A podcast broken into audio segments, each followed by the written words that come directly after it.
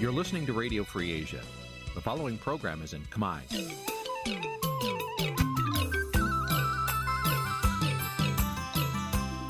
Nǐ chi càm bi tiệp xáy vệt chiu a zì sáy. នេះជាកម្មវិធីផ្សាយរបស់ Vithu Azisari ជាភាសាខ្មែរ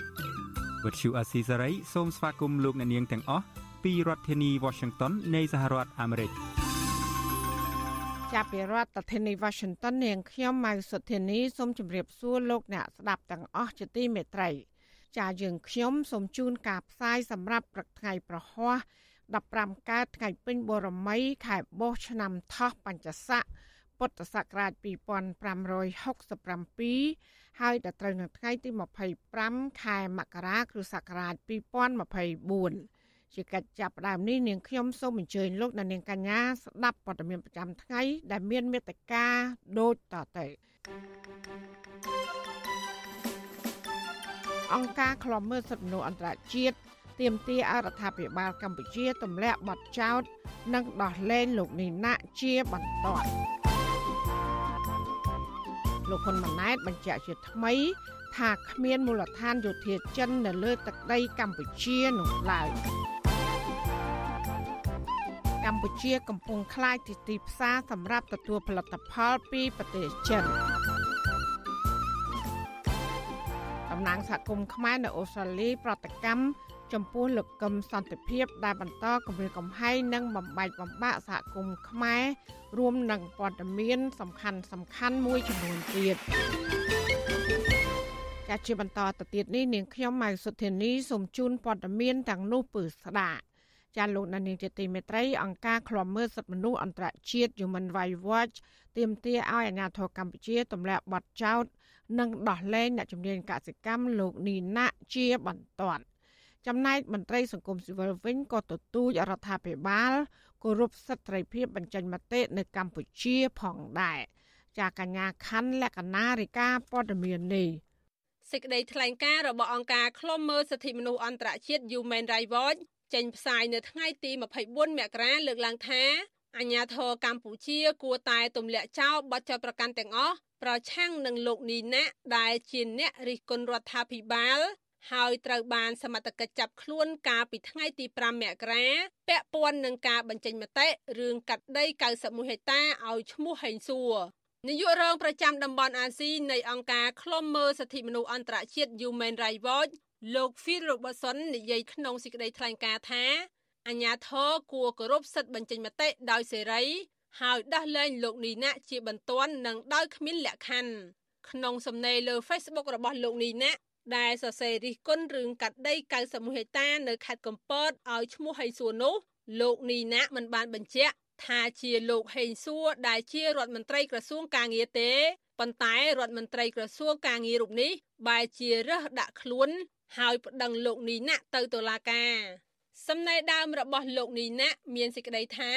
តើលោកហេងសួរបានសាងស្នាដៃធំធេងអ្វីដល់ជាតិខ្មែរបានជារដ្ឋាភិបាល កាត់ដីព្រៃផ្ដាល់ឲ្យធ្វើជាកម្មសិទ្ធិនាយករងប្រចាំតំបន់អាស៊ីនៃអង្គការ Human Rights Watch លោក Phil Robertson បានលើកឡើងថារដ្ឋាភិបាលថ្មីរបស់លោកហ៊ុនម៉ាណែតប្រកាន់យកទីតាំងដែលរដ្ឋាភិបាលលោកហ៊ុនសែនបន្សល់ទុកឲ្យនៅការធ្វើទុកបុកម្នេញលើអ្នករិះគន់រដ្ឋាភិបាលវត្តជូអាស៊ីស្រីមិនអាចសុំការអធិប្បាយបញ្ហានេះ ពីប្រធានអង្គភិបអ្នកណែនាំពាក្យរដ្ឋាភិបាលលោកប៉ែនបូណានិងអ្នកណែនាំពាក្យនាយករដ្ឋមន្ត្រីលោកមាសសុភ័ណ្ឌបានទេ នៅថ្ងៃទី24មករាដោយទូរស័ព្ទចូលគ្មានអ្នកទទួលប៉ុន្តែលោកហ៊ុនម៉ាណែតបានលើកឡើងក្នុងពិធីបិទសន្និបាតបូកសរុបការងារក្រសួងព័ត៌មានឆ្នាំ2023កាលពីថ្ងៃទី23មករាដោយរំលឹកថា នៅគ្រប់ប្រទេសគឺតែងតែមានច្បាប់ ហើយកន្លងទៅ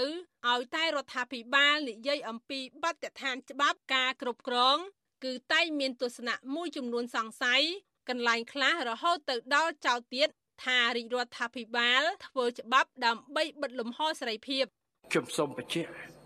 ច្បាប់នៅគ្រប់ប្រទេសវាតែងតែមាន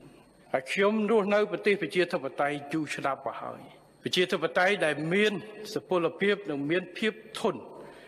និងនិរន្តរភាពគឺមូលដ្ឋានច្បាប់គឺជាគោលប្រជាធិបតេយ្យអត់មានច្បាប់គេហៅថាអាណាធិបតេយ្យភាសាអង់គ្លេសខ្ញុំធ្លាប់លើក democracy democracy អត់មានច្បាប់គេហៅ democracy នាយកទទួលបន្ទុកកិច្ចការទូតនៃអង្គការការពារសិទ្ធិមនុស្សលីកាដូលោកអមសំអាតប្រាប់វិសុអាស៊ីសេរីនៅថ្ងៃទី24មករាថា បើរដ្ឋាភិបាល មិនបែងចែកឲ្យបានច្បាស់លាស់ថាអ្វីជាសេរីភាពបញ្ចេញមតិទេ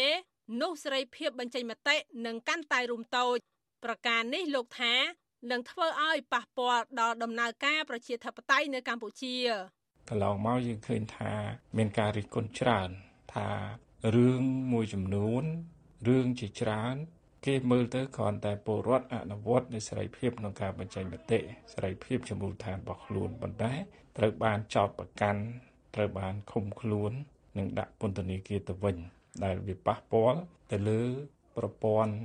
នៃសេរីភាពជាមូលដ្ឋាន ដែលវាជាមូលដ្ឋានគ្រឹះនៃលទ្ធិប្រជាធិបតេយ្យណាអ្នកជំនាញកសិកម្មលោកនីណាត្រូវបានតុលាការក្រុងភ្នំពេញកាត់ឲ្យជាប់ពន្ធនាគារ18ខែម្ដងរួចមកហើយ ពីបទញុះញង់ឲ្យមានការរើសអើងនិងបទប្រមាថជាសាធារណៈចំពោះការផុសបែបចំអករបស់លោកតាក់ទងនឹងការទិញម៉ាស់ពីឲ្យមន់ដើម្បីការពារការឆ្លងជំងឺ Covid-19 ទោះជាយ៉ាងណាក្រោយចេញពីពន្ធនាគារលោកនីណានៅតែបន្តអត្ថាធិប្បាយឥតសំចៃមាត់ពីភាពមិនប្រក្រតីនៅក្នុងសង្គមនៅថ្ងៃទី12ខែកញ្ញាឆ្នាំ2023 លោកក៏ត្រូវបានក្រុមជនមិនស្គាល់មុខជាបរោះប្រដាប់ដោយដំបងដែកព្រួតគ្នាវាយទាំងកណ្ដាលថ្ងៃក្នុងក្រុងភ្នំពេញបណ្ដាលឲ្យបីក្បាលហូរឈាមស្រោចខ្លួនសន្លប់ស្ដុកស្ដឹងនៅនឹងកន្លែងអង្គការ Human Rights Watch លើកឡើងថាពីថ្ងៃមុនការវាយប្រហារគឺនៅល្ងាចថ្ងៃទី10ខែកញ្ញាឆ្នាំ2023សមាជិកនៃគណៈបកប្រជាជនកម្ពុជាបានមកជួបលោក ណែនាំឲ្យលោកចូលរួមជាមួយគណៈបកកាន់អំណាចរបស់លោកហ៊ុនសែនហើយប្រមានលោកកុំឲ្យរិះគន់រដ្ឋាភិបាលជាសាធារណៈបន្តទៀតលោកនេះអ្នកត្រូវបានសមត្ថកិច្ចចាប់ដាក់ពន្ធនាគារជាថ្មីទៀតនៅថ្ងៃទី5មករាក្រោមបណ្ដឹងរបស់លោកហេងសួរដែលជារដ្ឋមន្ត្រីក្រសួងកាងារពាក់ព័ន្ធនឹងការបញ្ចេញមតិរបស់លោកនីណារឿងកាត់ដី91ហិកតានៅខេត្តកំពតឲ្យឈ្មោះហេងសួរ នាយករងអង្គការ Human Rights Watch លោក Phil Robertson បានលើកឡើងថាលោកនាយករដ្ឋមន្ត្រីហ៊ុនម៉ាណែតកំពុងបន្តដើរតាមផ្លូវរំលោភសិទ្ធិមនុស្សដោយឪពុករបស់លោកហើយអ្នករិះគន់ចំចំនៅកម្ពុជាដោយលោកនីណានឹងទទួលរងនឹងការរំលោភបំពានយ៉ាងធ្ងន់ធ្ងរដដែលខ្ញុំខណ្ឌលក្ខណាវុទ្ធុអាស៊ីសេរីចាលោកនាងជាទីមេត្រីអាយកាអមសាលាដំបងរាជធានីភ្នំពេញ សម្រាប់តម្កល់ឬមិនចាត់ការសំណុំរឿងម្ដាយបង្កគ្រោះថ្នាក់ចរាចរណ៍ដែលបានប្តឹងប្រពន្ធនិងគ្រួសារអ្នករងគ្រោះបន្ទាប់ពីម្ចាស់បណ្ដឹងរូបនេះបានដកពាក្យប្តឹងអាយកាអមសាលាដំបងរាជធានីភ្នំពេញ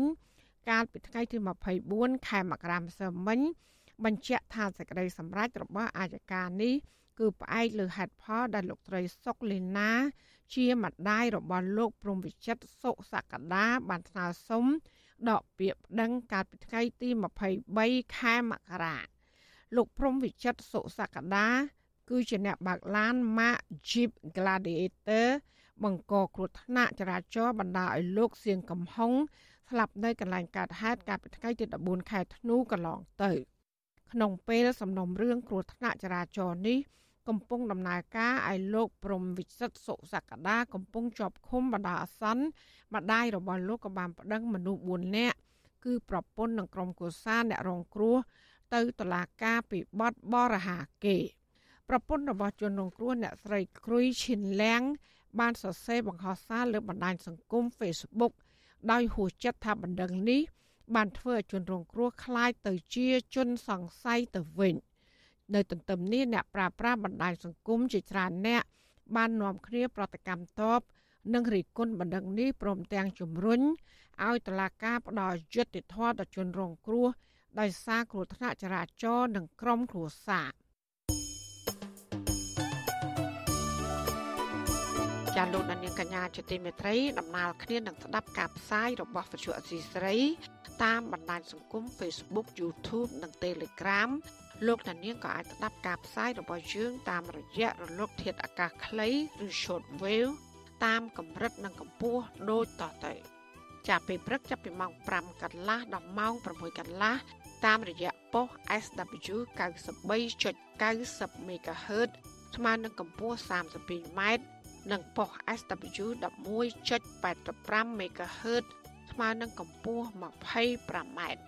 ចាសម្រាប់ពេលយប់វិញ គឺចាប់ពីម៉ោង7កន្លះដល់ម៉ោង8កន្លះគឺតាមរយៈប៉ុស SW 93.30 MHz ស្មើនឹងកម្ពស់ 32m ប៉ុស SW 11.88 MHz ស្មើនឹងកម្ពស់ 25m និងប៉ុស SW 15.15 MHz ស្មើនឹងកម្ពស់ 20m ចាសសូមអរគុណ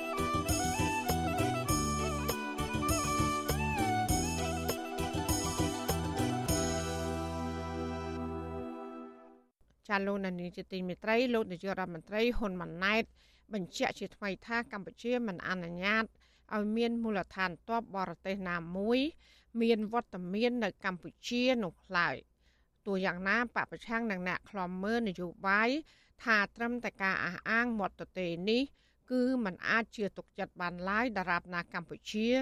មិនអនុញ្ញាតឲ្យបណ្ដាអ្នកជំនាញអន្តរជាតិ ទៅបំពេញទស្សនកិច្ចនៅមូលដ្ឋានជើងទឹករៀមដែលជាកន្លែងរងការសង្ស័យចាប់ពីរដ្ឋធានី Washington លោកមានរដ្ឋាភិការព័ត៌មាននេះយោធាកម្ពុជា នៅតែរក្សាទំនាក់ទំនងល្អជាមួយយោធាប្រទេសនានាក៏ប៉ុន្តែកម្ពុជាមិនអនុញ្ញាតឲ្យមូលដ្ឋានបរទេសណាមួយមានវត្តមាននៅកម្ពុជាឡើយនេះគឺជាការបញ្ជាក់ជាថ្មីទៀតរបស់លោកនាយរដ្ឋមន្ត្រីហ៊ុនម៉ាណែតលោកបន្តថាការពង្រឹងសមត្ថភាពយោធាកម្ពុជា ឬការធ្វើទំនើបកម្មកងទ័ពកម្ពុជា គឺដើម្បីថែរក្សាសុខសន្តិភាពរបស់ខ្លួនក៏ប៉ុន្តែកម្ពុជាគ្មានបំណងឈ្លានពានឬបង្កើតសង្គ្រាមជាមួយប្រទេសណាមួយឡើយលោកហ៊ុនម៉ាណែតអះអាងទៀតថារដ្ឋាភិបាលរបស់លោកគោរពរដ្ឋធម្មនុញ្ញដែលមិនអនុញ្ញាតឲ្យមានមូលដ្ឋានយោធាបរទេសនៅលើទឹកដីកម្ពុជាឡើយកម្ពុជាមិនមានអនុញ្ញាតឲ្យមានមូលដ្ឋានកងទ័ពបរទេសនៅលើទឹកដីខ្លួនហើយក៏មិនមាន មូលដ្ឋានកងទ័ពរបស់ខ្លួន នៅលើទឹកដីផ្សេងទៀតលើកលែងតែនៅក្រោមឆ័ត្ររបស់អង្គការសហប្រជាជាតិចឹងកម្ពុជាធ្វើការងារទំនើបកម្មកងទ័ព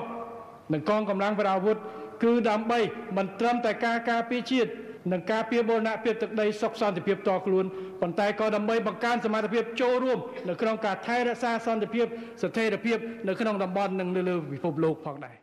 លោកហ៊ុនម៉ាណែត លើកឡើងដូចនេះក្នុងពិធីអបអរខួប25ឆ្នាំនៃការបង្កើតបញ្ជាការដ្ឋានកងទ័ពជើងគោកនៅថ្ងៃទី24ខែមករាប្រមុខរដ្ឋាភិបាលកម្ពុជាអះអាងជាថ្មីបែបនេះគណៈកម្ពុជានៅតែរងការសង្ស័យពីសំណាក់ក្រុមប្រទេសលោកខាងលិចជាពិសេសសហរដ្ឋអាមេរិកនៅក្នុងរឿងរ៉ាវអនុញ្ញាតឲ្យប្រទេសចិនសាងសង់មូលដ្ឋានកងទ័ពជើងទឹករៀមនៅក្នុងខេត្តព្រះសីហនុទន្ទឹមនឹងការសង្ស័យនេះ មូលដ្ឋានកងទ័ពជើងទឹករៀមបានប្រែប្រួលយ៉ាងខ្លាំងក្នុងរយៈពេលប្រមាណឆ្នាំចុងក្រោយនេះរដ្ឋាភិបាលកម្ពុជា បានវាអគារដែលជាជំនួយរបស់សហរដ្ឋអាមេរិកចោលដោយជំនួសមកវិញនៅអគារសាងសង់ក្រោមជំនួយរបស់ចិន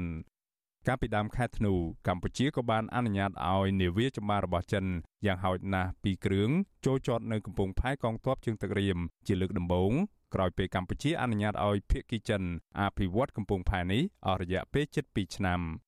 កម្ពុជាអះអាងថាការអនុញ្ញាតឲ្យនាវាចម្បាំងរបស់ចិនចូលចតនេះគឺដើម្បីត្រៀមវឹកវើនានាវិកកងទ័ពជើងទឹកកម្ពុជាការចូលចតជាលើកដំបូងនៃនាវាចម្បាំងរបស់ចិននេះត្រូវអ្នកជំនាញភូមិសាស្ត្រនយោបាយមើលឃើញថាជាការសាក់លបងចង់ដឹងពីប្រតិកម្មអន្តរជាតិជុំវិញអធិបុលយោធារបស់ចិននៅកម្ពុជារូបភាពពីផ្កាយរណបកាលពីថ្ងៃទី15ខែមករាបង្ហាញថា នាវាចម្បាំងទាំងពីរគ្រឿងរបស់ចិននេះបានចាក់ចេញពីកំពង់ផែកងទ័ពជើងទឹករៀមហើយតើតើនៅរឿងនេះទីប្រឹក្សាគណៈបកកម្លាំងជាតិលោករងឈុនយល់ថាត្រឹមការអះអាងមិនអាចធ្វើឲ្យសហគមន៍អន្តរជាតិអស់មន្ទិលសង្ស័យនោះឡើយលោកបន្តថាប្រសិនបើគ្មានការស្រាវចម្ងល់ឲ្យបានច្បាស់លាស់នោះទេនោះកម្ពុជានៅតែខាត់បងពីការសង្ស័យនេះលោករងឈុនបន្តថារដ្ឋាភិបាលគួរហ៊ានអនុញ្ញាតឲ្យសហគមន៍អន្តរជាតិ ឬសហរដ្ឋអាមេរិកអាចចូលធ្វើទស្សនកិច្ចនៅតំបន់សង្ស័យរៀនអេណាស៊ីជំរឿអីទេគេអ្នកដែលជំនាញគេគ្រាន់តែទៅក្នុងតំបន់ហ្នឹងគេអាចវាតម្លៃដឹងថាមានពិតប្រកបឬមិនមានហើយពេលហ្នឹងយើងនឹងបើយើងស្អាតស្អំយើងនឹងទទួលបានផលប្រយោជន៍ច្រើនហើយបើសិនថាយើងស្ពាក់ស្ពិននៅតែមានមន្ទិលសង្ស័យ អានឹងហើយដែលធ្វើឲ្យយើងនឹងមានការលំបាកទាំងសេដ្ឋកិច្ចទាំងការរស់នៅរបស់ប្រជាពលរដ្ឋវាប៉ះពាល់សពបែបយ៉ាងហ្នឹងបាទស្រដៀងគ្នានេះដែរប្រធានសមាគមសម្ព័ន្ធនិស្សិតបញ្ញវន្តខ្មែរលោកកើតសរាយយល់ថាការបដិសេធគ្រាន់តែជាការឆ្លើយតបធម្មតាប៉ុណ្ណោះទេក៏ប៉ុន្តែដើម្បីឲ្យមានការឆ្លើយតបពិតប្រាកដរដ្ឋាភិបាលកម្ពុជាត្រូវហ៊ានបើកទូលាយជាងនេះ លោកបន្តថាកម្ពុជាគួរអនុញ្ញាតឲ្យក្រមប្រទេសលោកសេរី បានស្វែងយល់កាន់តែស៊ីជម្រៅពីកំពង់ផែកងទ័ពជើងទឹករៀមដើម្បីឲ្យពួកគេអស់ចិត្តព្រោះព្រោះកាលណាដែលមានអ្នកជំនាញអន្តរជាតិមួយដែលប្រទេសលើពិភពលោកគេទទួលស្គាល់គាត់ទៅធ្វើការសិក្សាខ្ញុំជឿជាក់ថាលទ្ធផលទាំងអស់ហ្នឹងគឺវាទទួលបានទាំងអស់គ្នាមានថាបំបត្តិការសង្ស័យគ្រប់ភាគីដែរ ឯកសារយោធាសម្ងាត់របស់មន្ទីរបញ្ចកោណអាមេរិកដែលបែកធ្លាយហើយត្រូវបានកាសែត The Washington Post យកមកចុះផ្សាយកាលពីខែមេសាឆ្នាំ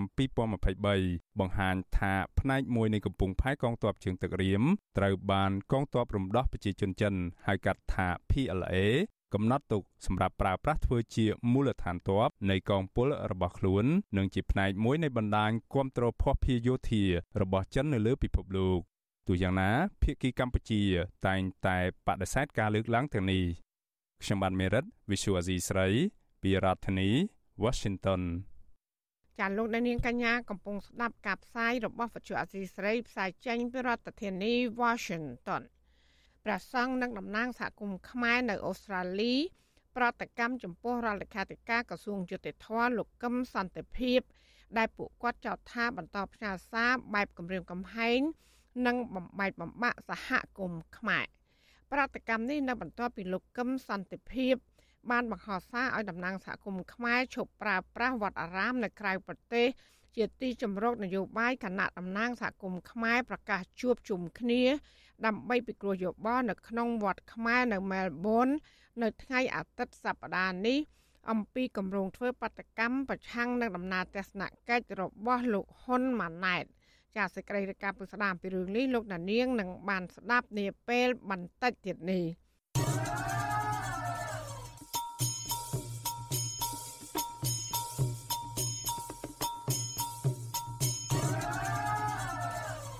ចាលោកនានីជាទីមេត្រីពាក់ព័ន្ធនឹងការចោទប្រកាន់ថាកឹបកេងលុយជាង80លានដុល្លារនោះអ្នកខ្លំមើលស្នើឲ្យតុលាការស៊ើបអង្កេត លើអ្នកវិនិយោគនិងជាអតីតប្រធានអង្គការក្រៅរដ្ឋាភិបាលដ៏មានកេរ្តិ៍ឈ្មោះម្នាក់ដែលរងការចាប់ប្រកាន់ថាបានកັບកេងលុយកម្រងវិនិយោគជាង80លានដុល្លារហើយរត់ទៅចោះជួយជាមួយរដ្ឋាភិបាលដើម្បីបានរួចខ្លួនពួកគាត់ថាការស៊ើបអង្កេតនេះគួរតែធ្វើឡើងឲ្យមានដំណាភាព ដើម្បីបញ្ជាក់ដល់មហាជនថាការចោះចូលរបស់បុគ្គលណាមួយ ក្នុងជួររដ្ឋាភិបាលនោះ គឺមិនមែនជាការរកខ្នងបង្អែកដើម្បីបិទបាំងទោសនោះឡើយចាលោកទីនសាករាយារាជការព័ត៌មាននេះចៅក្រមស៊ើបសួរនៃសាលាដំបងរាជធានីភ្នំពេញសម្រេចឃុំខ្លួនលោកយ៉ងប៉ាក់ដែលជាម្ចាស់គណនី Facebook ឈ្មោះប៉ែនជីវ័នបណ្ដោះអាសន្ននៅមណ្ឌលកែប្រែទី1មក1ហើយកាលពីថ្ងៃទី20មករាដើម្បីបន្តចំណាត់ការស៊ើបសួរបន្ថែមទៀតតាមនីតិវិធីច្បាប់ក្រោយពីសាកសួរនិងពិនិត្យភស្តុតាង។ អ្នកនាំពាក្យសាលាដំបងរាជធានីភ្នំពេញលោកអេរិនប្រាប់វិទ្យុអាស៊ីសេរីតាមបណ្ដាញ Telegram នៅថ្ងៃទី24មករាថា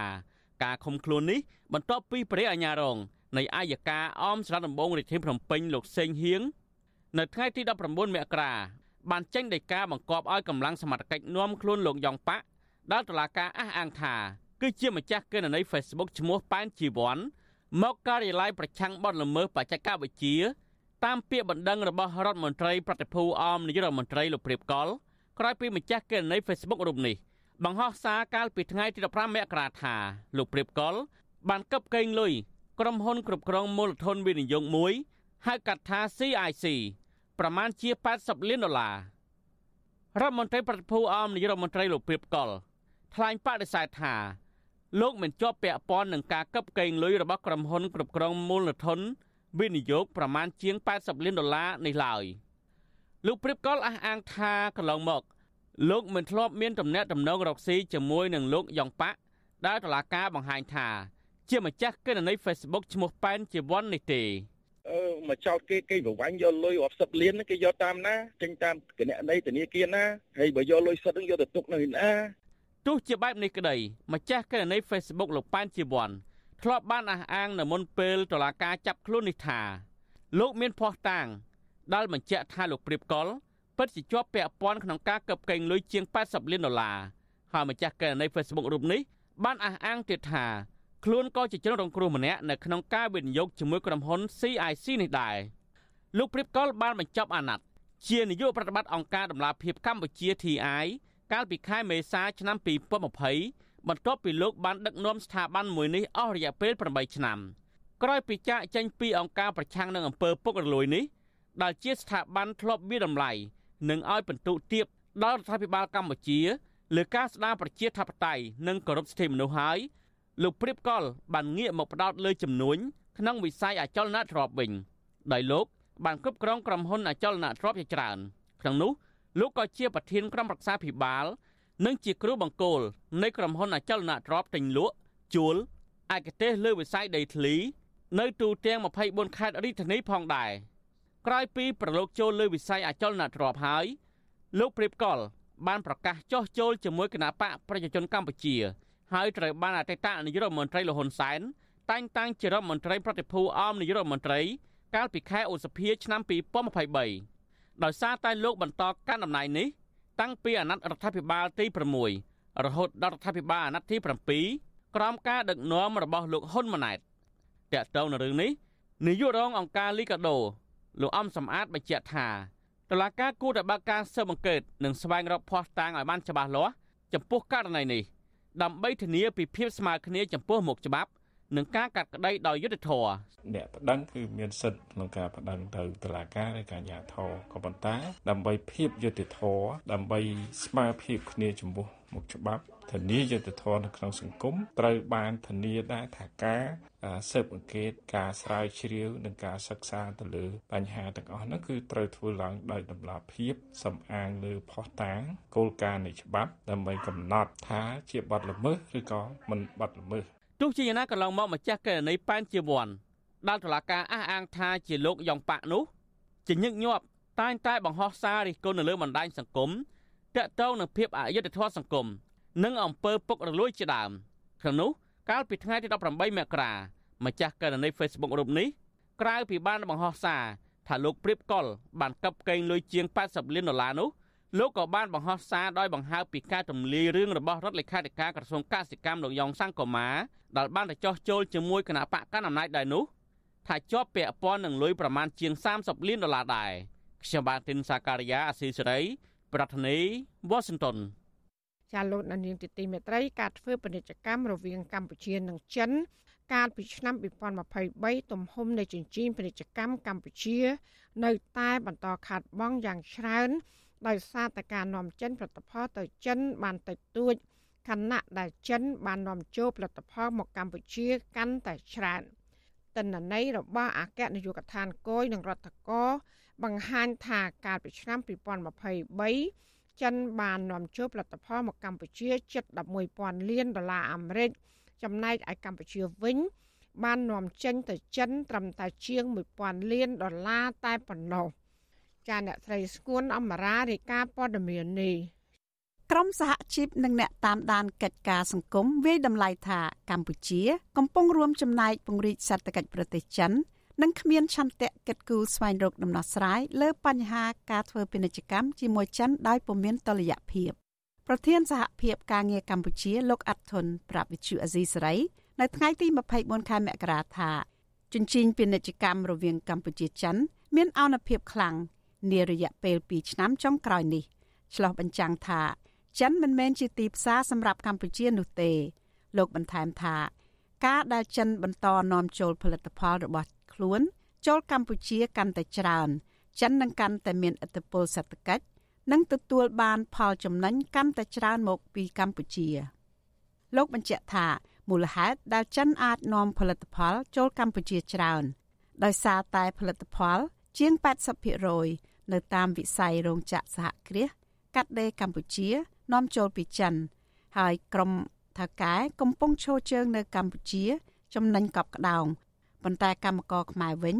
នៅតែប្រឈមបញ្ហាសេដ្ឋកិច្ច ផ្នែកកម្មករយើងបានកម្លាំងពលកម្មតិចតួចហ្នឹងមើលនៅក្នុងវិស័យហ្នឹងរដ្ឋក៏មិនជាអ្នកបានពុនអីច្រើនមកក្រៅតែពី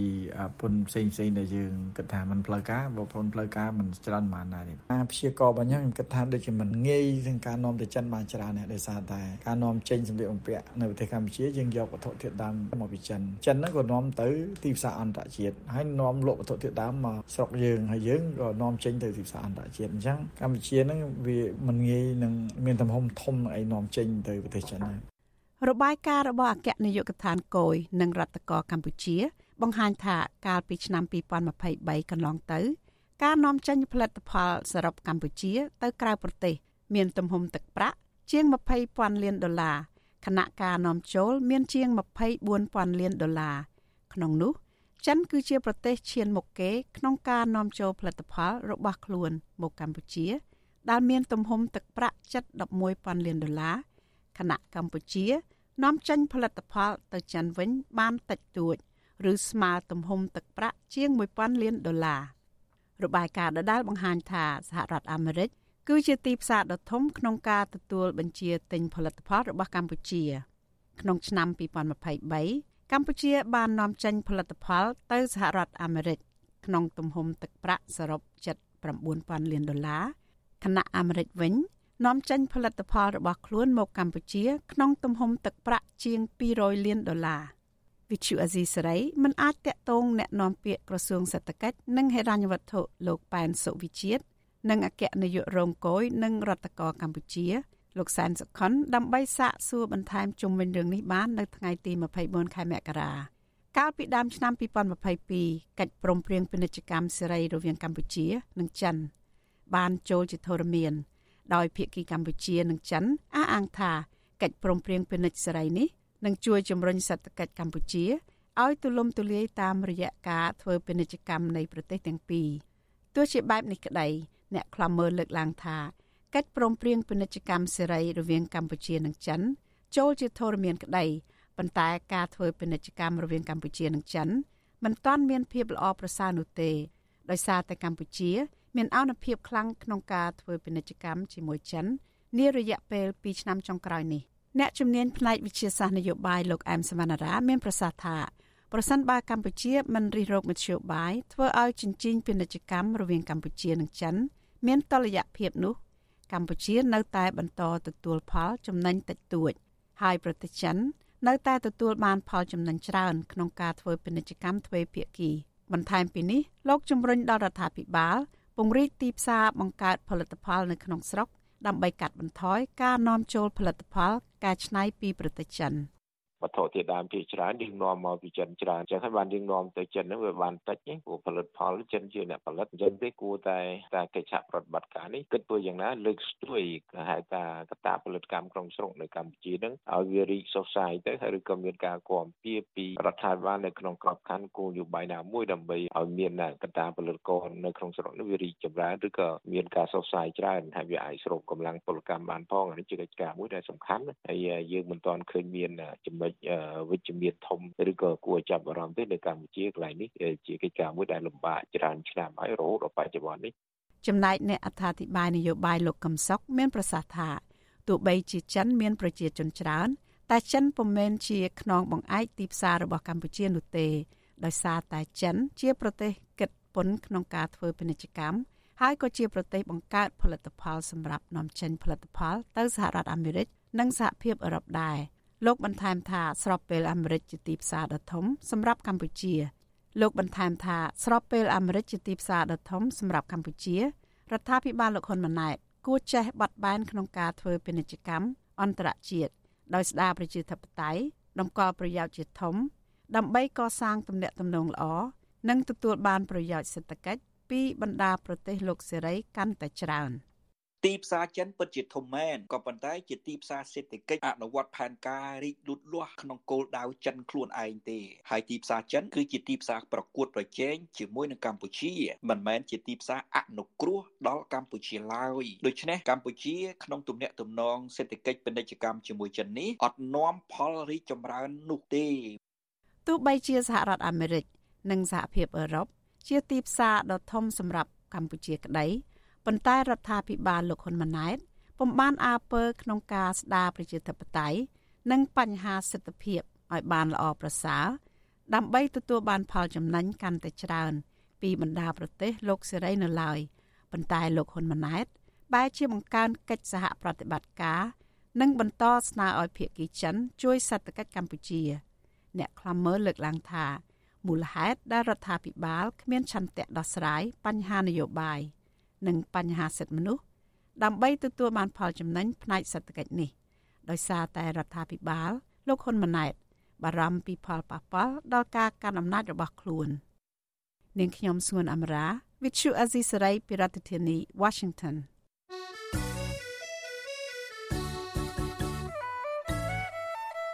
ចាលោកនានីជាទីមេត្រីកម្មវិធី podcast កម្ពុជាសប្តាហ៍នេះ របស់វិទ្យុអសីស្រីចេញផ្សាយនៅរៀងរាល់ព្រឹកថ្ងៃសៅរ៍នៃសប្តាហ៍នីមួយៗមកនៅប្រទេសកម្ពុជា ចាសសូមប្រិយមិត្តស្វែងរកនិងស្ដាប់ podcast របស់យើង នៅលើកម្មវិធី podcast របស់ Apple, Google និង Spotify ដោយគ្រាន់តែសរសេរពាក្យថាកម្ពុជាសប្តាហ៍នេះឬ Cambodia This Week នៅក្នុងប្រអប់ស្វែងរក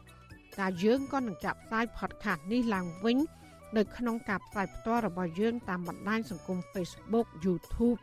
និង Telegram នៅរៀងរាល់យប់ថ្ងៃច័ន្ទចាសសូមអរគុណ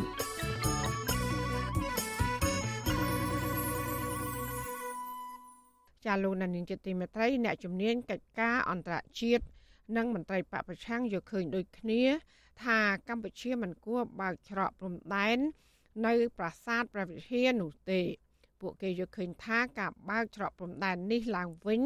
ស្របពេលដែលបញ្ហាចំនួនរវាងកម្ពុជានិងថៃនៅតំបន់បរិវេណប្រាសាទព្រះវិហារមិនទាន់ដោះស្រាយចប់សពគ្រប់នោះនឹងធ្វើឲ្យកម្ពុជាខាតបង់ច្រើនចាលោកសេកបណ្ឌិតរាយការណ៍ព័ត៌មាននេះការលើកឡើងពីអ្នកជំនាញកិច្ចការអន្តរជាតិនិងមន្ត្រីគណៈបកប្រឆាំងនេះស្របពេលដែលក្រុមសមាជិកសភានៃគណៈបកភឿថៃ កំពុងដាក់គំនាប ឲ្យនាយករដ្ឋមន្ត្រី លោកសេដ្ឋាថាវិសិនលើកយករឿងសូមបើកច្រកព្រំដែនឡើងវិញ ពីខេត្តស៊ីសាកេតចូលមកតំបន់ប្រាសាទព្រះវិហារទៅជជែកជាមួយនាយករដ្ឋមន្ត្រីកម្ពុជា គឺលោកហ៊ុនម៉ាណែតដែលត្រៀមទៅទស្សនកិច្ចក្នុងប្រទេសថៃនៅដើមខែកុម្ភៈខាងមុខនេះអ្នកជំនាញផ្នែកវិទ្យាសាស្ត្រនយោបាយនិងកិច្ចការអន្តរជាតិលោកអែមសវណ្ណរាប្រាប់វិទ្យុអស៊ីសេរី នៅថ្ងៃទី24មករាថា ប្រសិនបើកម្ពុជាបើកច្រកព្រំដែនដែលស្ថិតនៅទីតាំងផ្ទាល់ប្រាសាទព្រះវិហារឡើងវិញនោះនឹងធ្វើឲ្យប្រទេសថៃ មានប្រៀបជាង ហើយធ្វើឲ្យកម្ពុជា ខាតបង់ច្រើនលោកថាមូលហេតុដែលលោកមិនគាំទ្រឲ្យបើកច្រកព្រំដែននេះឡើងវិញ ដោយសារចំនួនរវាងភាគីទាំងពីរមិនទាន់ដោះស្រាយចប់សពគ្រប់ទាំងស្រុងនោះទេ ពីព្រោះទាហានថៃ នៅមិនទាន់ដកចេញអស់ពីបរិវេណប្រាសាទព្រះវិហារ ចាប់តាំងពីមានការផ្ទុះអាវុធដាក់គ្នា ក្នុងឆ្នាំ2008មកនិងស្របពេលដែលប្រទេសថៃ នៅមិនទាន់អនុវត្តឲ្យបានពេញលេញតាមខ្លឹមសារសាលក្រមតុលាការអន្តរជាតិក្រុងឡាអេថ្ងៃទី15ខែមិថុនាឆ្នាំ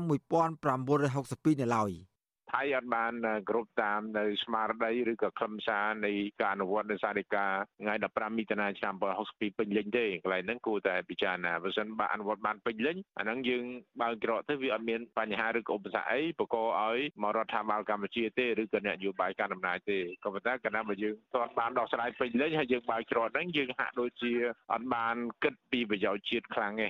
ការលើកឡើងនេះបន្ទាប់ពីកាសែតបាងកកប៉ុស្តិ៍ ចុះផ្សាយកាលពីថ្ងៃទី21មករាដោយដកស្រង់សម្ដីសមាជិកសភាថៃម្នាក់ឈ្មោះភូមិនលីធីរ៉ាប្រាស៊ឺតដែលនិយាយថា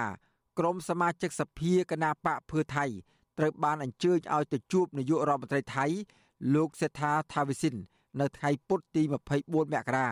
ដើម្បីជជែករឿងបញ្ហាព្រំដែនរវាងកម្ពុជានិងថៃមុនពេលលោកហ៊ុនម៉ាណែត ទៅទស្សនកិច្ចក្នុងប្រទេសថៃ នៅថ្ងៃទី7ខែកុម្ភៈខាងមុខនេះសមាជិកសភាថៃបន្តថា នៅក្នុងជំនួបនោះក្រុមសមាជិកសភានឹងឆ្លៀតឱកាសស្នើលោកនាយករដ្ឋមន្ត្រីថៃឲ្យទៅជជែកជាមួយនឹងនាយករដ្ឋមន្ត្រីកម្ពុជា ដើម្បីបើកច្រកព្រំដែននៅបរិវេណប្រាសាទព្រះវិហារឡើងវិញ ក្នុងគោលដៅជំរុញវិស័យទេសចរជុំវិញបញ្ហានេះវិទ្យុអាស៊ីសេរី នៅពុំទាន់អាចសុំការឆ្លើយតបពីប្រធានអង្គភិបអ្នកណែនាំពាក្យរដ្ឋាភិបាលលោកប៉ែនបូណា និងអ្នកណែនាំពាក្យក្រសួងការបរទេសនិងសហប្រតិបត្តិការអន្តរជាតិលោកអានសុខឿនបាននៅឡើយទេនៅថ្ងៃទី24មករាក៏ប៉ុន្តែលោកអែមសវណ្ណារាយល់ឃើញថាកម្ពុជាមានច្រកព្រំដែនសម្រាប់អ្នកទេសចរថៃអាចចូលមកកំសាន្តនៅតំបន់ព្រះវិហារគ្រប់គ្រាន់ហើយ ជាពិសេសតាមរយៈច្រកទ្វារអន្តរជាតិអានសេះលើកភ្នំដងរែក ជាប់ខេត្តឧបុនរបស់ប្រទេសថៃ ដែលមានចម្ងាយពីប្រាសាទព្រះវិហារប្រហែល20គីឡូម៉ែត្រចំណែកអនុប្រធានគណៈបកឆន្ទៈខ្មែរលោកសុនឆៃយល់ឃើញដែរថា ប្រសិនអ្នកទេសចរថៃ ចង់មកទស្សនាប្រាសាទព្រះវិហារត្រូវតែអនុវត្តតាមរបៀបនៃជនបរទេសដទៃទៀតដែលធ្វើដំណើរមកកម្ពុជា គឺអ្នកទេសចរថៃត្រូវធ្វើដំណើរឆ្លងកាត់ព្រំដែនឲ្យបានត្រឹមត្រូវ ដើម្បីចូលមកប្រទេសកម្ពុជាជាមុនទើបធ្វើដំណើរទៅទស្សនាប្រាសាទអង្គរ ហើយចេញចូលជាទម្លាប់ពីដើមទៅវាធ្វើឲ្យបញ្ហាដែលពាក់ព័ន្ធនឹងព្រំដែននោះអត់ត្រូវបានដោះស្រាយពីយើងចង់ឲ្យមានការដោះស្រាយសិនតំបន់ហ្នឹងហើយថៃដូចយើងដឹងហើយថានៅតែគម្រាមកំហែងពីការដែលប្រទេសកម្ពុជាយើងរៀបចំផ្លូវឡើងទៅប្រាសាទហ្នឹងនៅតែមានការគម្រាមកំហែងនៅឡើយដូច្នេះយើងមិនអាចបើកផ្លូវឲ្យគេចេញចូលមកស្រួលហើយយើងដែលជាម្ចាស់ប្រាសាទហ្នឹងនៅតែចេញចូលទៅប្រាសាទមានការលំបាកទេ កម្ពុជាបានបិទច្រកព្រំដែននៅប្រាសាទព្រះវិហារគឺតាំងពីប្រមាណខែមុនពេលកងទ័ពកម្ពុជានិងថៃចាប់ផ្ដើមប៉ះទង្គិចគ្នាដោយអាវុធកាលពីថ្ងៃទី3ខែតុលាឆ្នាំ2008នៅមុនពេលមានការប្រយុទ្ធគ្នា នៅពេលនោះ គឺអាជ្ញាធរខ្មែរបានបិទច្រកព្រំដែនដោយសារតែមានក្រុមយុវជនថៃមួយចំនួន ចេញមកដើរតវ៉ាដោយមានការចូលរួមការពារពីទាហានថៃផង ដោយស្រែកទាមទារថាតំបន់បរិវេណប្រាសាទព្រះវិហាររួមទាំងប្រាសាទគឺជារបស់ថៃខ្ញុំបាទសេកបណ្ឌិតវុទ្ធុអាស៊ីសេរីពីរដ្ឋធានីវ៉ាស៊ីនតោនចាលោកណានៀងជាទីមេត្រីវុទ្ធុអាស៊ីសេរីសូមជូនដំណឹងថាយើងគ្មានអ្នកយកព័ត៌មានប្រចាំទៅប្រទេសកម្ពុជានោះឡើយ បើសិនជាមានជនណាម្នាក់អះអាងថាជាអ្នកយកព័ត៌មានអវិជ្ជាអសីស្រីនៅកម្ពុជានោះគឺជាការក្លែងបន្លំយកឈ្មោះរបស់វិជ្ជាអសីស្រី ក្នុងគោលបំណងទុច្ចរិតរបស់បុគ្គលនោះ ចាសសូមអរគុណ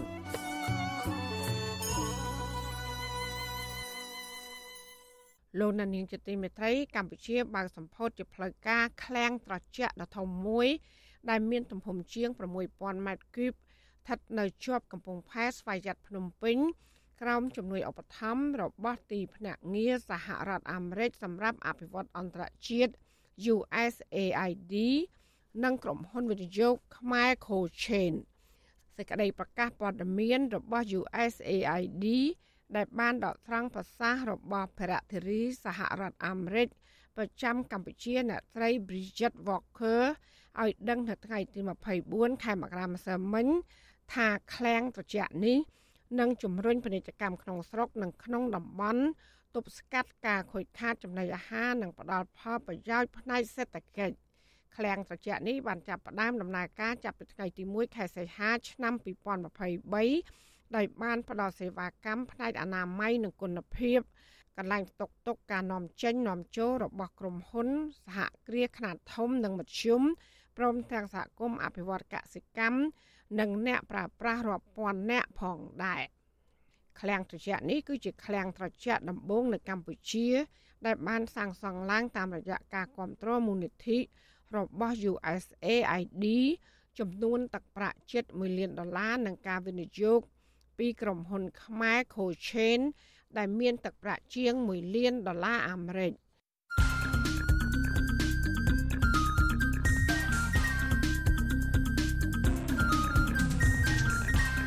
បទសំភារ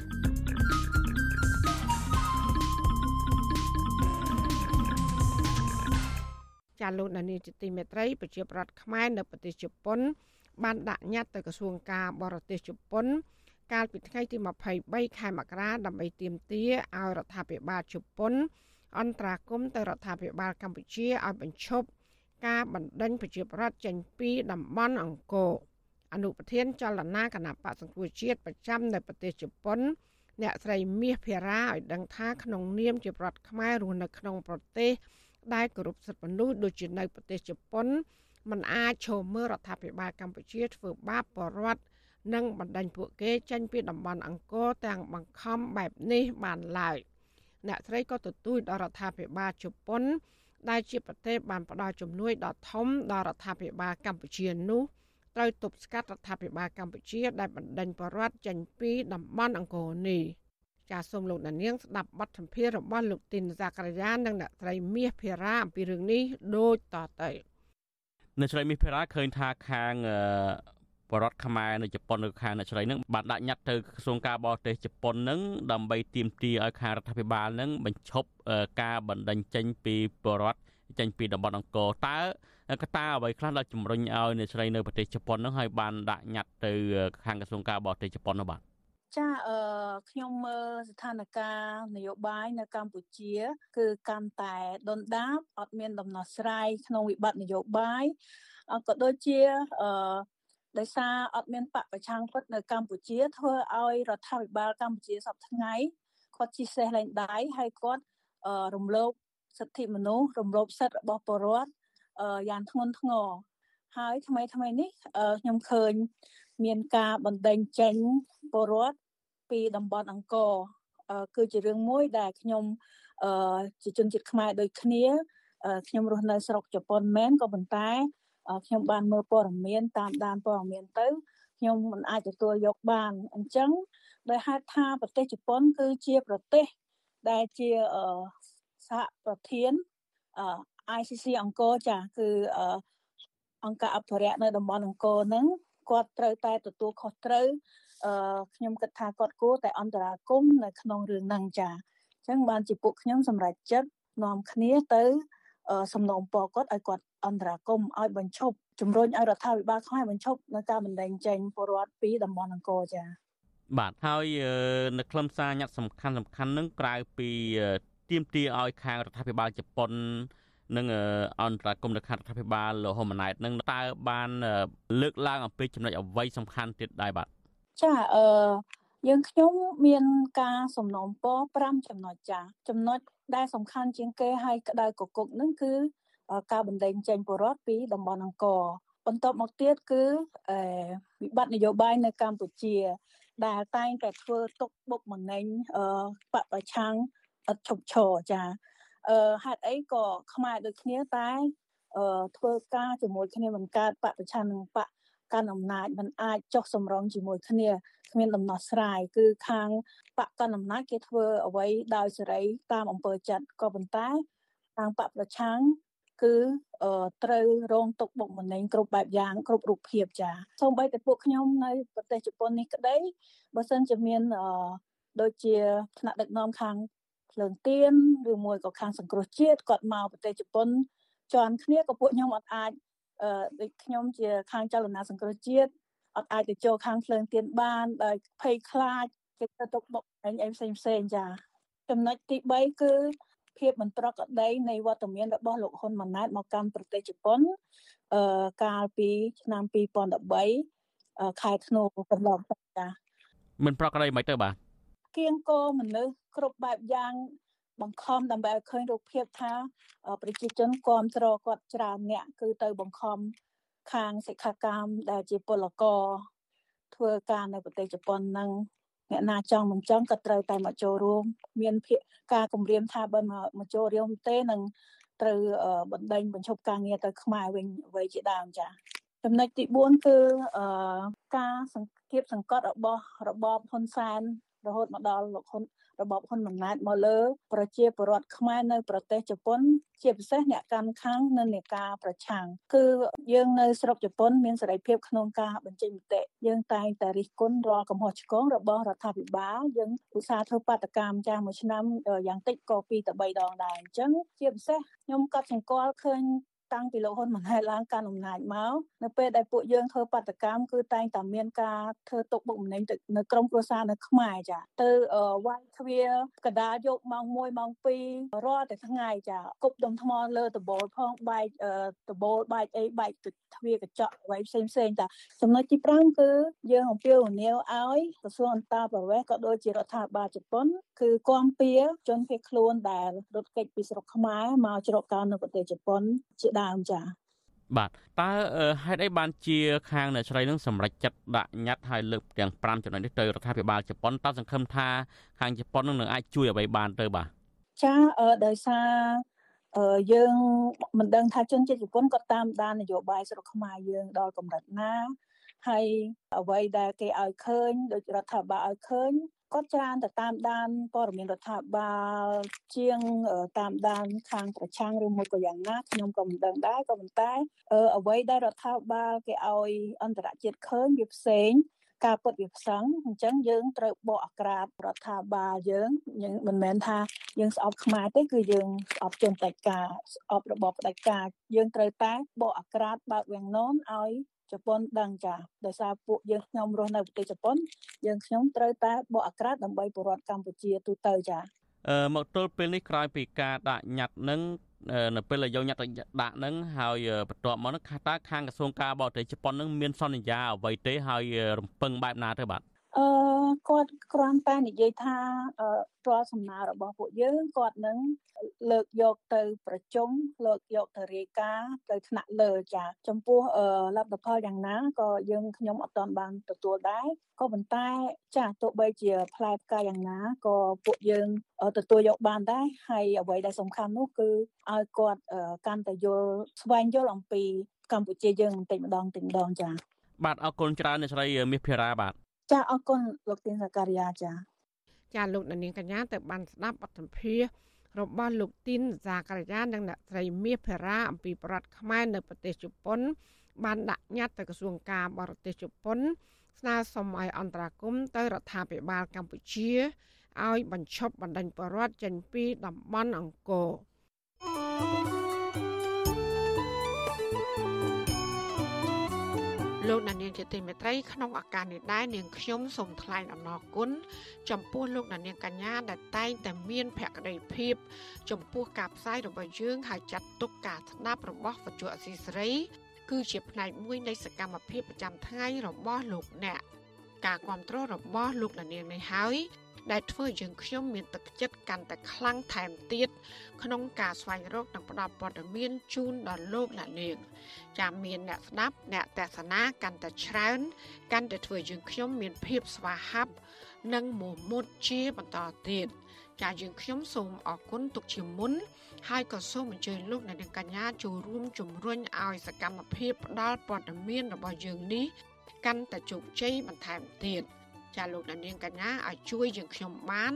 ដោយគ្រាន់តែចុចចែករំលែកឬ share ការផ្សាយរបស់យើងនៅលើបណ្ដាញសង្គម Facebook និង YouTube ទៅកាន់មិត្តភ័ក្តិរបស់លោកអ្នកដើម្បីឲ្យការផ្សាយរបស់យើងនេះ បានទៅដល់មនុស្សកាន់តែច្រើនចាសសូមអរគុណ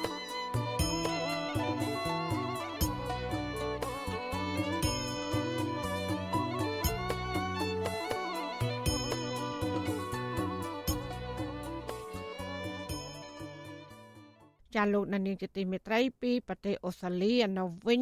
ព្រះសង្ឃនិងតំណាងសហគមន៍ខ្មែរនៅអូស្ត្រាលី ប្រតិកម្មចំពោះរដ្ឋលេខាធិការក្រសួងយុតិធម៌លោកកឹមសន្តិភាព ដែលពួកគាត់ចោទថាបានបន្តផ្ញើសារបែបគម្រាមកំហែងនិងបំបែកបំបាក់សហគមន៍ខ្មែរប្រតិកម្មបែបនេះនៅបន្ទាប់ពីមនុស្សចំណិតរបស់លោកហ៊ុនម៉ាណែតរូបនេះ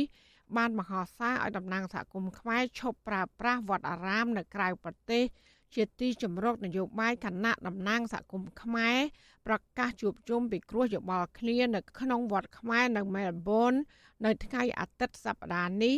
អំពីគម្រោងធ្វើបដកម្មប្រឆាំងដំណើរទស្សនកិច្ចរបស់លោកហ៊ុនម៉ាណែតចាលោកថាថៃរិកាព័ត៌មាននេះស្របពេលតំណាងសហគមន៍ខ្មែរត្រៀមជួបពិគ្រោះយោបល់គ្នានៅក្នុងវត្តខ្មែរមែលប៊ននៅថ្ងៃទី28ខែមករាខាងមុខអំពីគម្រោងធ្វើបាតុកម្មប្រឆាំងវត្តមានលោកហ៊ុនម៉ាណែតនោះ រដ្ឋលេខាធិការក្រសួងយុតិធធលោកកឹមសន្តិភាពដែលតែងតែជិះយន្តហោះមកជ្រៀតជ្រែកនិងបំបីបំបាក់សហគមន៍ខ្មែរនៅប្រទេសអូស្ត្រាលីជាប្រចាំក៏នៅមិនសុខស្រណុកខ្លួនឡើយលោកបានចាប់ផ្ដើមបើកឆាកវាយប្រហារនិងលៀបពណ៌តំណាងសហគមន៍ខ្មែរល្បីៗនៅប្រទេសអូស្ត្រាលីជាថ្មីម្ដងទៀតព្រះសង្ឃនិងតំណាងសហគមន៍ខ្មែរលើកឡើងថាសាររបស់លោកគឹមសន្តិភាពដែលហាមិនអោយតំណាងសហគមន៍ខ្មែរយកវត្តអារាម ជាទីជួបជុំដើម្បីតស៊ូមតិសម្រាប់ផលប្រយោជន៍ជាតិ និងលើកដំកើងលទ្ធិប្រជាធិបតេយ្យនោះគឺជាសារបែបគម្រាមកំហែងនិងបំបែកបំបាក់សហគមន៍ខ្មែរអតីតតំណាងរាស្ត្រអូស្ត្រាលីដើមកំណើតខ្មែរនិងជាប្រធានសហព័ន្ធខ្មែរអូស្ត្រាលីសាជីវកម្មលោកហុងលឹមថ្លែងថាលោកក៏ជាមនុស្សម្នាក់បានចូលរួមដឹកនាំកសាងវត្តខ្មែរនៅអូស្ត្រាលីដំបូងគេដើម្បីទុកជាកន្លែងប្រតិបត្តិព្រះពុទ្ធសាសនានិងថែរក្សាប្រពៃណីវប្បធម៌ខ្មែរនៅលើទឹកដីនៃប្រទេសពហុវប្បធម៌ចម្រុះជាតិសាសន៍មួយនេះ លោកហុងលីបន្តថាការដែលប្រជាពលរដ្ឋខ្មែរជួបជុំគ្នាក្នុងវត្តអារាមដើម្បីបណ្ដុះគំនិតស្នេហាជាតិនិងការតស៊ូមតិនយោបាយដើម្បីឲ្យប្រទេសកម្ពុជាមានការគោរពសិទ្ធិមនុស្សនិងលទ្ធិប្រជាធិបតេយ្យគឺជារឿងត្រឹមត្រូវដែលមានជាយូរមកហើយនៅក្នុងប្រវត្តិសាស្ត្រនៃប្រទេសកម្ពុជាផ្ទុយទៅវិញលោកហុងលឹមយល់ថាក្រុមលោកគឹមសន្តិភាពនិងលោកហ៊ុនម៉ាណែតទៅវិញទេ ដែលជាអ្នកជន់ឈ្លីព្រះពុទ្ធសាសនា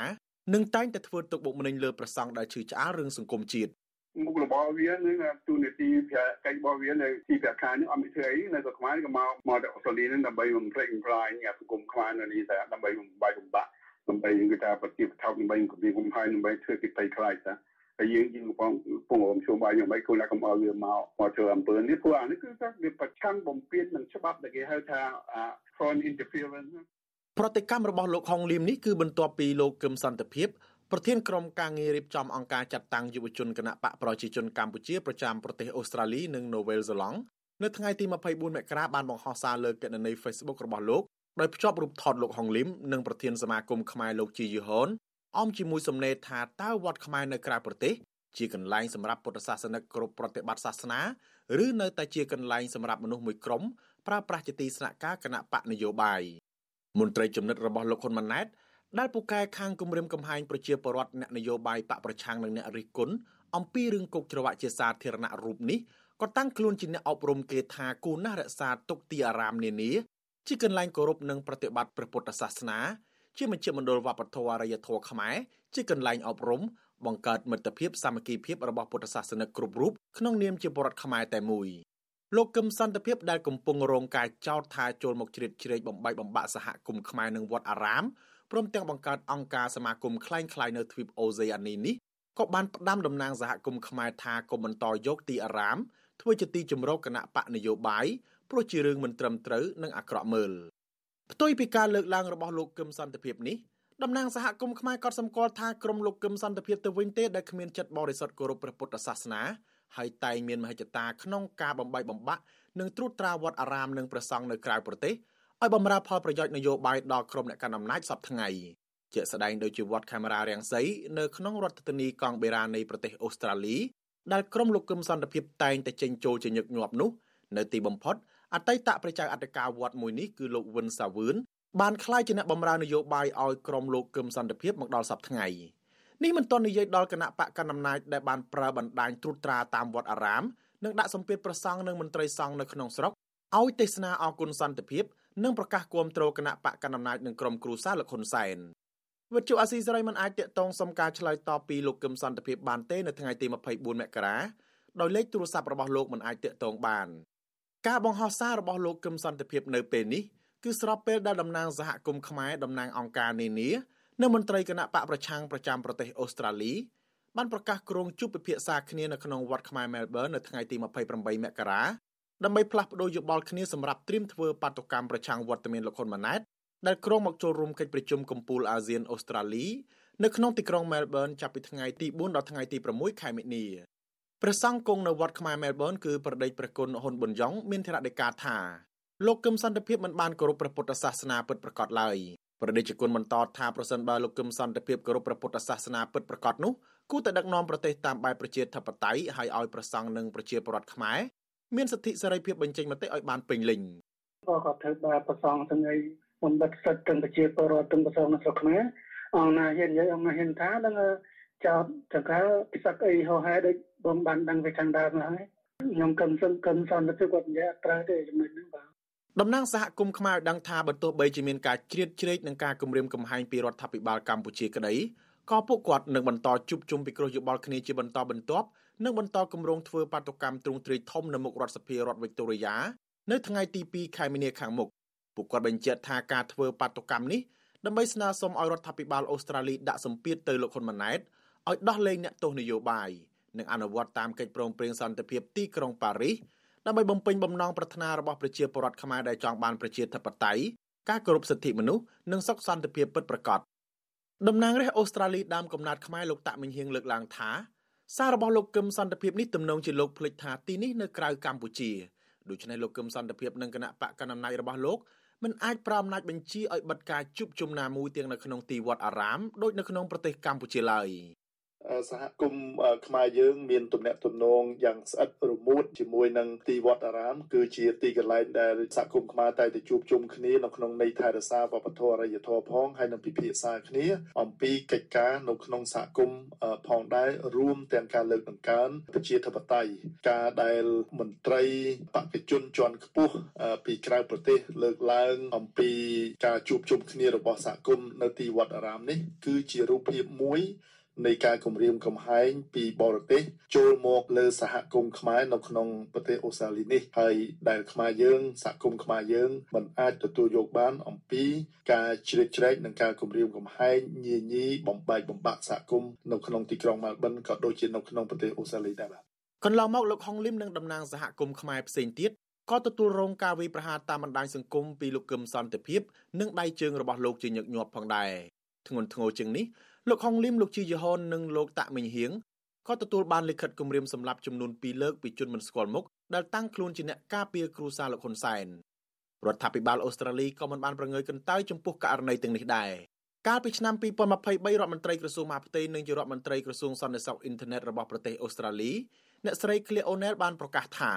រដ្ឋាភិបាលអូស្ត្រាលីនិងភ្នាក់ងារសន្តិសុខអូស្ត្រាលីកំពុងឃ្លាំមើលយ៉ាងយកចិត្តទុកដាក់ចំពោះសកម្មភាពក្រមមន្ត្រីរដ្ឋាភិបាលកម្ពុជា ដែលបានដាក់គោលដៅតាមធ្វើទុកបុកម្នេញយាយីនិងបំផិតបំភ័យដល់ពលរដ្ឋខ្លួននៅលើទឹកដីអូស្ត្រាលីក្រៅពីនេះក្រុមតំណាងរាស្ត្រសហព័ន្ធអូស្ត្រាលីក៏តែងតែទាមទារជារឿយៗឲ្យរដ្ឋាភិបាលអូស្ត្រាលីបិទទឹកធការឬវីសាមិនឲ្យមន្ត្រីជាន់ខ្ពស់រដ្ឋាភិបាលលោកកឹមសន្តិភាពនិងក្មួយប្រុសរបស់លោកហ៊ុនសែនគឺលោកហ៊ុនតូចូលប្រទេសអូស្ត្រាលីតទៅទៀតខ្ញុំថាថៃពីទីក្រុងមែលប៊ន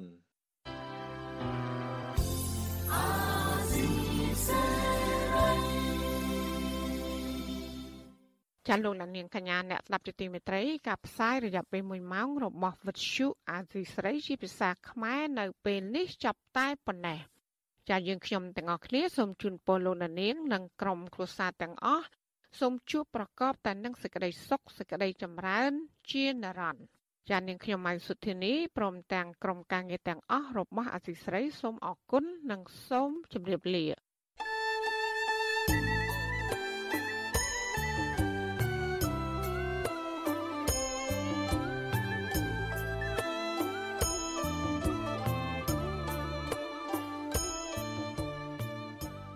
ទ្យុអេស៊ីសេរីផ្សាយតាមរលក ធារកាសខ្លីតាមកម្រិត និងកម្ពស់ដូចតទៅនេះ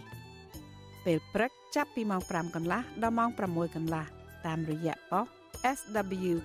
93.90 MHz ស្មើនឹងកម្ពស់ 32m និងប៉ុស SW 11.85 MHz ស្មើនឹងកម្ពស់ 25m ពេលយប់ចាប់ពីម៉ោង7កន្លះដល់ម៉ោង8កន្លះតាមរយៈប៉ុស SW 93.30 MHz ស្មើនឹងកម្ពស់ 32m ប៉ុស SW 11.88 MHz ស្មើនឹងកម្ពស់ 25m និងប៉ុស SW 15.15 MHz ស្មើនឹងកម្ពស់ 20m លោកអ្នកនាងក៏អាចស្ដាប់និងទស្សនាការផ្សាយផ្ទាល់នៅលើគេហទំព័រ Visual Asia សេរីតាមរយៈអាសយដ្ឋាន rfa.org/ ខ្មែរក្រៅពីនេះលោកអ្នកនាងក៏អាចអាននិងទស្សនាព័ត៌មាន Visual Asia សេរីលើទូរស័ព្ទដៃរបស់លោកអ្នកនាងផ្ទាល់ សូមអញ្ជើញលោកអ្នកនាងដំឡើងកម្មវិធី Visual Asia សេរីនៅលើទូរស័ព្ទដៃរបស់លោកអ្នកនាងឬស្វែងរក Visual Asia សេរីនៅលើ YouTube ឬ Facebook ដោយស្វែងរកពាក្យថា Visual Asia សេរីឬ RFA ខ្មែរសូមលោកអ្នកនាងចុច like follow និងចុច subscribe ដើម្បីទទួលបានព័ត៌មានថ្មីៗតាមហេតុការណ៍និងទស្សនាវីដេអូផ្សេងៗទៀតបានគ្រប់ពេលវេលា យើងខ្ញុំសូមជូនពរដល់លោកអ្នកនាងព្រមទាំងក្រុមគ្រួសារទាំងអស់ឲ្យជួបប្រកបតែនឹងសេចក្តីសុខសេចក្តីចម្រើនរុងរឿងកុំបីឃ្លៀងឃ្លាតឡើយ។